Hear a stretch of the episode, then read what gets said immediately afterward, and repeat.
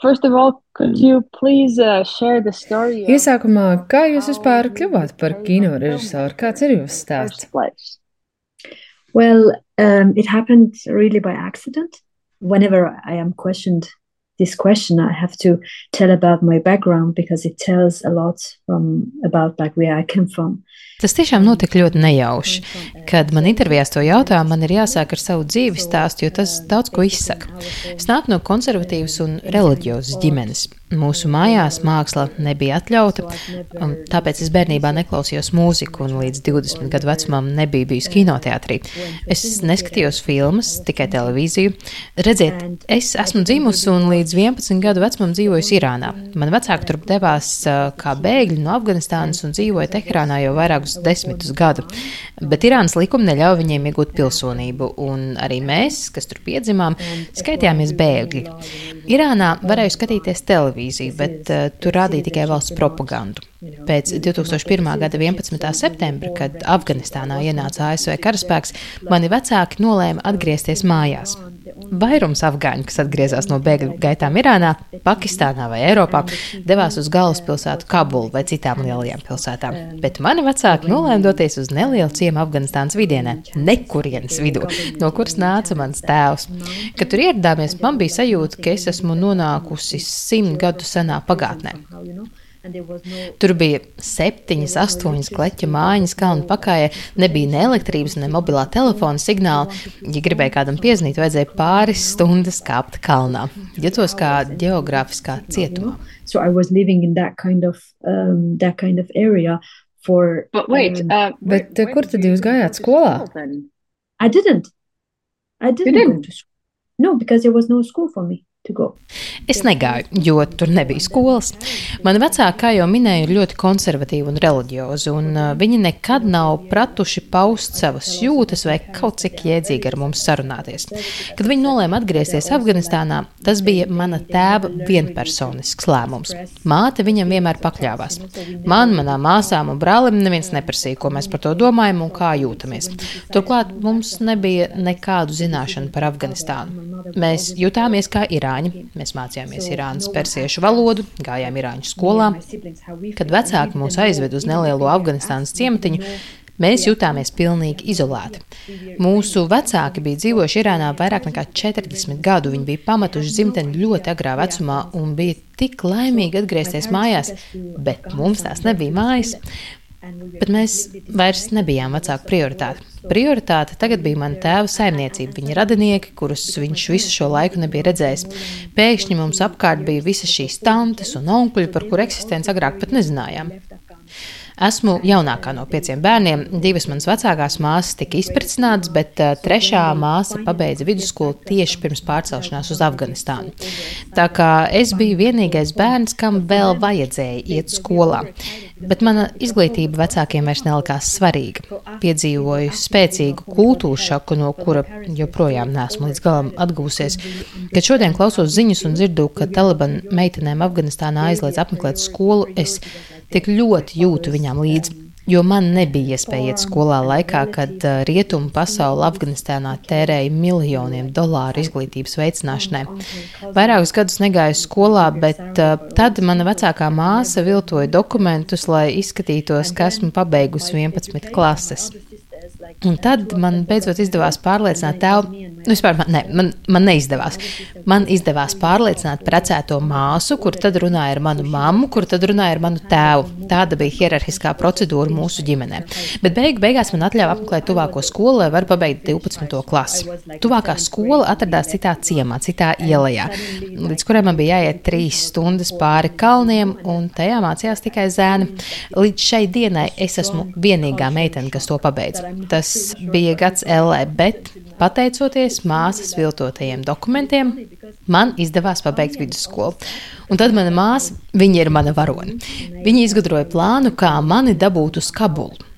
Protams, mēs to nevarējām darīt vienas, jo tā bija ļoti konservatīva vide, nebija nekāda sabiedriskā transporta.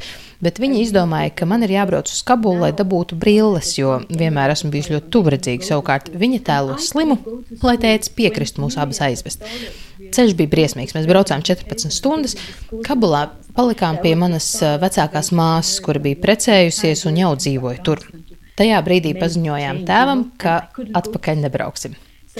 Viņš gandrīz aizgāja ar sirdi, jo viņš vienmēr bija pieredzējis būt noteicējis ģimenē, un šī bija pirmā reize, kad kāds viņam sāka runāt pretī. Viņam bija ļoti grūti to pieņemt.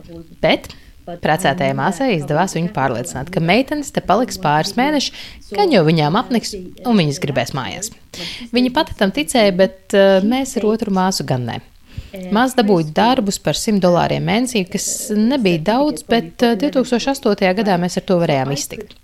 Man ļoti gribējās iestāties universitātē. Universitāte bija mana prioritāte gan tāpēc, ka man gribējās, gan tāpēc, ka vajadzēja iemeslu, kāpēc neatgriezties mājās. Bet uh, iedomājieties, es tikko biju ieradusies galvaspilsētā, nepratu vietējo akcentu, nepazinu pilsētu, mūždien apmaldījos un stundām meklēju ceļu māju. Un kad man beidzot likās, ka esmu nokārtojis visus papīrus un atradusi pareizo adresi, kur jākārto iestāja eksāmeni, es attapos pie nepareizā eksāmena. Es gribēju mācīties fiziku, jo man ģimene bija ļoti reliģioza un visus zinātnes jautājumus mēģināja skaidrot savu reliģiju. Tāpēc skolā man ļoti aizrāva zinātne un atziņa, ka šiem jautājumiem ir arī cits skaidrojums. Tāpēc biju domājusi, ka iešu uz iestāju eksāmenu fizikā, bet uh, eksāmena telpā ieraudzīju sev priekšā nolikt papīru un sapratu, ka esmu atnākusi uz iestāju eksāmenu teātra un kino fakultātē. Tā es nokļuvu šajā pasaulē. Es negribēju gaidīt vēl vienu gadu, jo tēvs varētu kuru katru dienu atbraukt pakaļ. Nolēmu, lai iet, man vajag bakalaura grādu un darbu, mācīšos kaut ko citu. Zinu, tas nav ļoti motivējošs stāsts. That's not very motivated story. It's no. one of those cases where life is more unreal than fiction. Jūsu stāsts ir viens no tiem, kur īstenība šķiet neticamāka par fikciju. Kad es pirms šīs intervijas meklēju informāciju par jums, atradu ierakstu Wikipēdijā par afgāņu režisoriem sievietēm. Trīs no piecām ir ar uzvārdu Sadat kā jums, tāpēc man radās iespējas, ka nākat no kino veidotāja dzimtes. And I thought maybe you come from a generation of filmmakers. no, no, no. As I said, I didn't really got Like Nē, galīgi ne. Mēs neesam radinieces. Kā jau teicu, man sākumā nebija nekādas intereses par kino. Tas mainījās tikai gadu vēlāk, kad uh, Francijas institūts Kabulā rīkoja trīs mēnešu kino meistarklases. Bija konkurss, uzņēma tikai desmit cilvēkus, un es paliku gaidītājos, bet pēdējā brīdī kāds atkrita, un es arī varēju piedalīties. Tobrīd jau biju sākusi strādāt Kabulas populārākajā TV kanālā, kas uh, skaitījās ļoti labs darbs, bet uh, pateicu priekšniekam, ka iešu projām, jo man ir kino meistarklase klases. Es eh, pat nezinu, kāpēc tā izdarīju, bet eh, tas bija pagrieziena punkts manā dzīvē.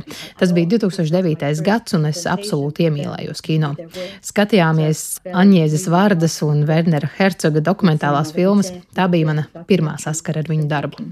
Like within that, uh, you know, that uh, three months. Your your first feature film, Wolf and Sheep, got into the Cannes Film Festival and got an award there. Jūsu pirmā spēļu filma Vilks un Aitas saņēma balvu Kānu kinofestivālā, un tā tapa laikā, kad studējāt un strādājāt Afganistānā. Vai jūs varētu pastāstīt par filmēšanas procesu un ceļu līdz Kānām? Well, after the three months workshop was finished, I went back to the TV. Pēc tām trim mēnešu meistarklasēm Francijas institūtā es atgriezos darbā TV kanālā, kur bija producenti. Tas bija 2009. gads, un tolaik es pamazām iepazinos ar internetu. Es izveidoju savu e-pasta adresi, to pašu, uz kuru jūs man rakstījāt, lai sarunātu šo interviju, un sāku mācīties googlēt lietas. Pēc meistarklasēm biju aizrausies ar domu par kino, un mani ļoti interesēja spēļu filmas žanrs. Bet uh, īsti nesapratu, ar ko sākt, jo universitātē īsti neko nevarēja iemācīties iemācīties. Tā bija laika šķērdēšana, un es profesoriem godīgi pateicu, ka viņi īsti nesaprot, ko māca. Tāpēc man pēc uh, trīs semestriem patriec no augstskolas. Tobrīd es biju bēdīga, bet vēlāk sapratu, ka esmu ietaupījis sev daudz laika. Tos piecus augstskolas gadus izmantoju vērtīgāk mācoties filmu veidošanu praksē. Tagad man droši vien nebūtu drosmes tā darīt, bet toreiz man bija 19 gadi un jūra līdz ceļiem.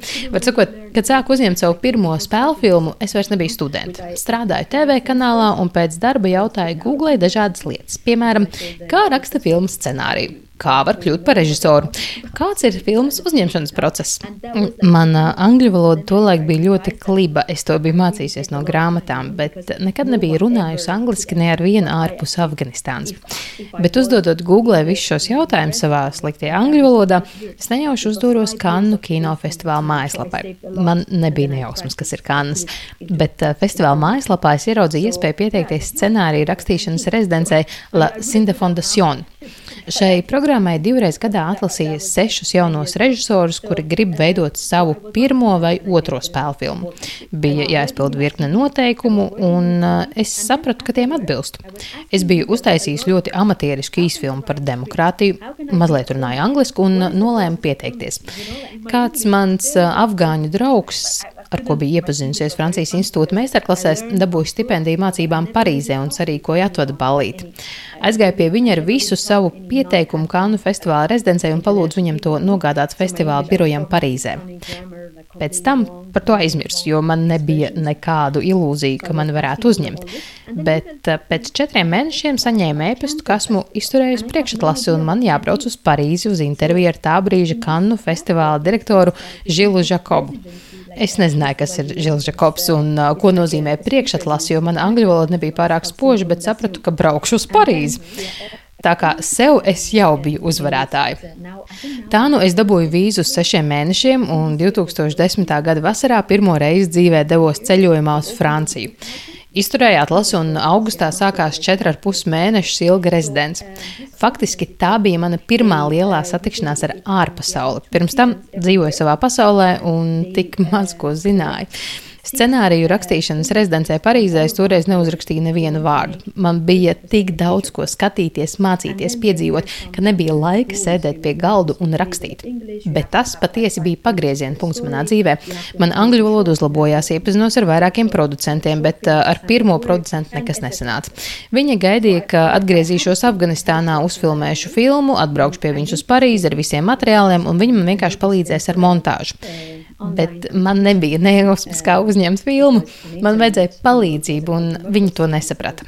Bet vēlāk man uzaicināja uz dokumentālo filmu festivālu Kopenhāgenā. Tajā bija īpaša programma, kurā veidoja komandas no Eiropas un ne Eiropas režisoriem, kuri tad kopā attīstīja kādu projektu. Tur es iepazinos ar Katju Adomeitu, kur arī kļuva par manas pirmās filmas līdzautori. Viņa arī ir režisore, bet šajā filmā kļuva par producentu, un uh, viņai tas iepatikās. Es ļoti gribēju filmēt tajā mazajā ciematiņā Afganistānas vidienē, kur uzaugu. Gribēju filmēt reālos turienes iedzīvotājus. Katja atbrauca ciemos, visu apskatīja, tomēr viņa baidījās filmēt Afganistānā. Man tas nešķita nekas īpašs. Esmu vietējā un pie nedrošības jau sen biju pieradusi. Bet viņa negribēja riskēt ar komandu, tāpēc beigās izlēmām filmēt citā valstī.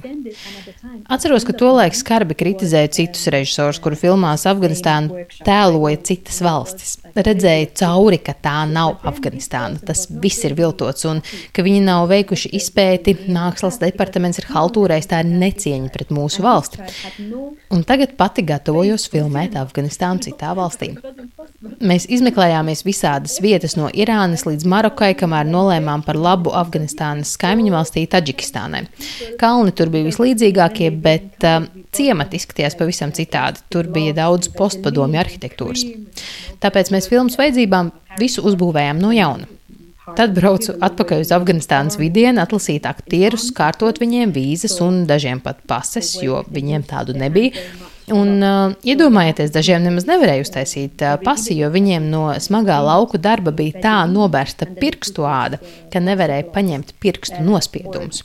Es liku viņiem mēnesi no vietas vakaros smērēt rokas ar vazelīnu un vilkt cimdus, lai nospiedumi atgrieztos. Varat iedomāties, ka tā nebija šo smagi strādājošo zemnieku galvenā prioritāte.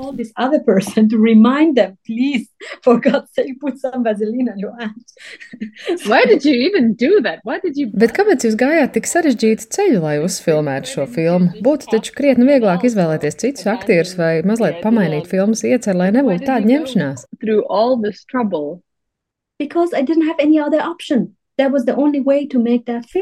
Bet man nebija citu variantu. Man tas bija vienīgais veids, kā uzņemt iecerēto filmu. Es joprojām esmu skarba kritiķe citām filmām par Afganistānu. Manuprāt, tās visas ir falšas. Startautiskā auditorija to neredz, jo viņi lasa subtitrus un nesaprot, ka afgāņu spēlē irāņi vai arābi, kas nerunā konkrētajā valodā un eh, dara lietas, ko mūsu kultūrā neviens nedarītu. Nevienam tas neinteresē, ja vien viņiem ir melni mati un šaulē ap galvu. Tā kā Afganistānai nav pašai savas kino industrijas, tad visi šie kino turisti, kas taisa filmas par Afganistānu un saucās par afgāņu filmām, beigās ir tie, kur iegūst balvas Kannās, Berlinālais un Oskaros. Ja tu esi jauns kino režisors no Afganistānas, kurš vēlas veidot filmas par Afganistānu, tev šīs filmas kļūst par atskaites punktu. Un vairumam nav drosmes veidot filmas par stāstiem, kas viņiem pašiem šķiet svarīgi, jo viņi jau redz, kāda tipa filmas par Afganistānu tiek starptautiski atzītas un kādus stāstus pieprasa starptautiskais kinotirgus. Man tas ir sasodīti apnicis. Tas ir tik necienīgi.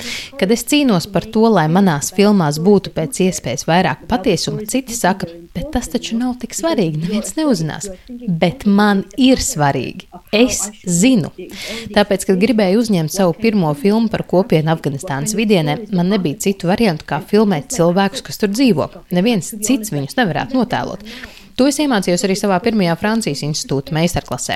Tev ir jānotver patiesība, un tev ir jāizturas ar cieņu pret to, ko tu filmē. Bet tās ir divas lietas, ko filmās par Afganistānu var atrast reti.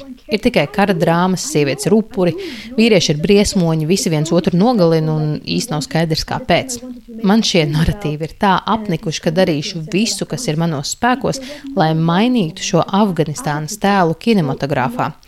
Es to redzu kā savu kino režisoras misiju. Gribu pavērt durvis arī citiem afgāņu kino režisoriem, būt drosmīgiem un stāstīt savus stāstus, nevis to, ko pieprasa tirgus.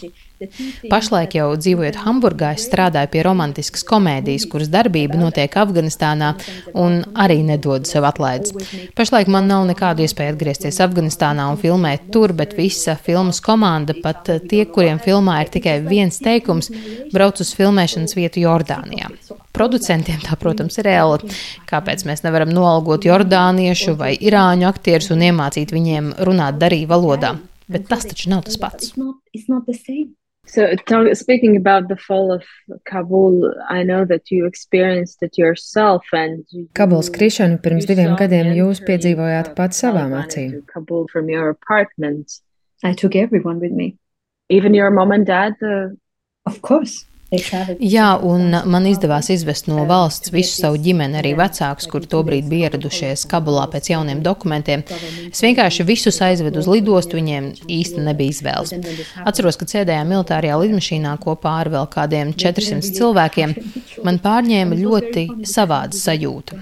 Atcerējos, ka pirms 20 gadiem es biju tieši tādā pašā situācijā, kad mani vecāki nolēma mūs vest no Irānas uz Afganistānu. Toreiz viss noteica mans tēvs. Šajā reizē noteicēja bija es.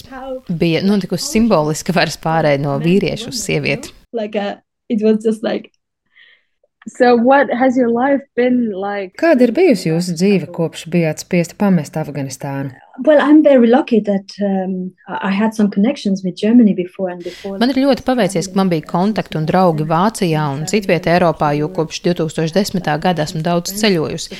Tā kā man tā nebija liela pārmaiņa. Varēju turpināt dzīvot savu dzīvi, uzņemot kino, bet uh, tikai nesen sapratu, ka šajos divos gados esmu pārvarējusi savas, kā lai saka, toksiski ciešās attiecības ar Afganistānu. Redziet, pēdējā desmitgadē Afganistānu ir pametuši ļoti daudzi izglītoti cilvēki, mūsu intelektuālā elite.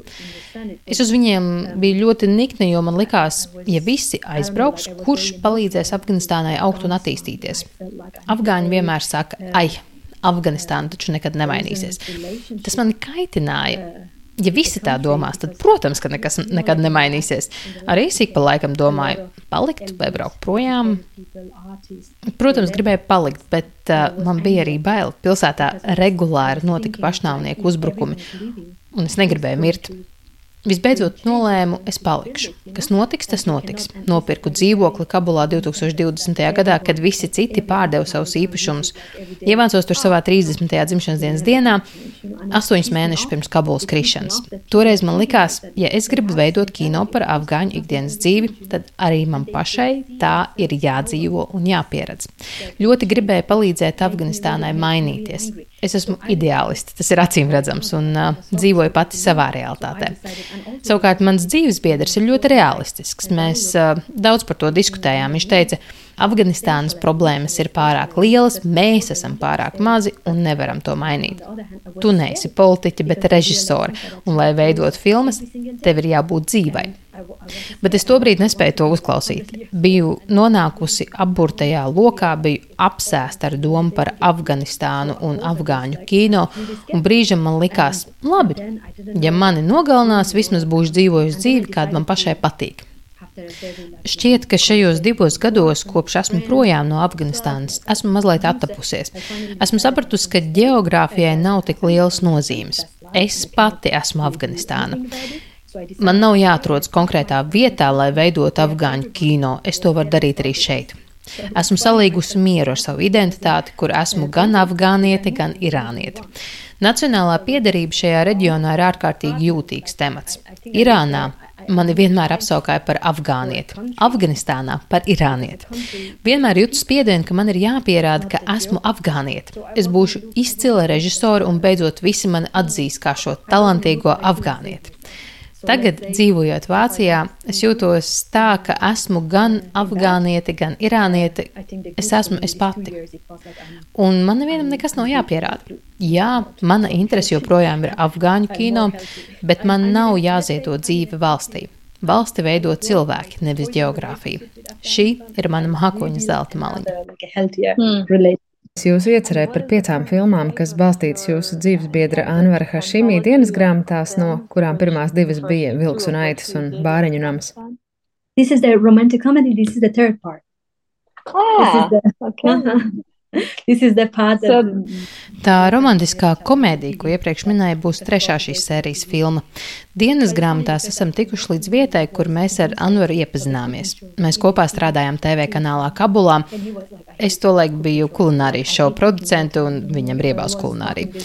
Tolaik priekšniecībai bija uzskats, nu labi, sievietes var strādāt televīzijā, bet nu tikai kulinārijas šovā, jo viņu vieta jau vispār ir virtuvē. Anvars strādāja ziņās, un mēs satikāmies darbēnīcā.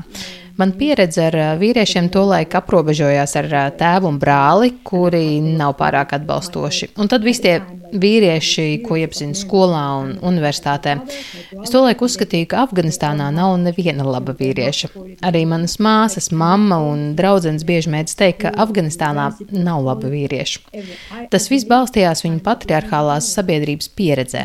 Tolaik man bija ideja pārdot savu nevainību internetā un uztaisīt par to filmu. Un uh, tad es satiku Anvaru. Filma būs par šo laiku, un tā sauksies Labu vīriešu nav. It's called No Good Man. At the Riga International Film Festival. Rīgas starptautiskajā kinofestivālā jūs būsiet filmas filmu žūrijā. Kāda ir sajūta? What does it feel like to be on a jury of a festival yourself? Well, I like it a lot because um, Very, to, to ir jauki būt žūrijas krēslā, bet tas ir arī bailīgi, jo tev ir jāvērtē citu cilvēku darbs. Pati zinu, cik daudz laika, naudas un enerģijas ir jāiegulda filmas radīšanā. Ja izdodas filmu pabeigt, tu jau esi uzvarētājs. Tev ir izdevies atrast finansējumu, kas ir pats grūtākais, un tev ir izdevies savu ieceru novest līdz galam. Protams, ir jauki, ja to vēl izrāda arī kādā festivālā, bet galvenā cīņa jau ir izcīnīta. Tā kā vērtēšanas daļa man žūrijas darbā pārāk nepatīk, bet man ļoti patīk skatīties filmas no dažādām pasaules malām un pārunāt redzēto ar citiem žūrijas locekļiem. Tas ir īsts luksus. Nekad neesmu bijusi Rīgā un Baltijas reģionā, neko nezinu par šī reģiona kino, tāpēc skatīšos ar atvērtu prātu un priecāšos atklāt sev kaut ko jaunu. Pirms nedēļas šeit eh, Hamburgā bija filmu festivāls, kur mēs ar Anvaru bijām kā skatītāji uz 40 filmām. Kad saņēmu Rīgas starptautiskā kinofestivāla vērtējumu astoņu filmu sarakstu, man uz šī fona likās, tas nebūs grūti.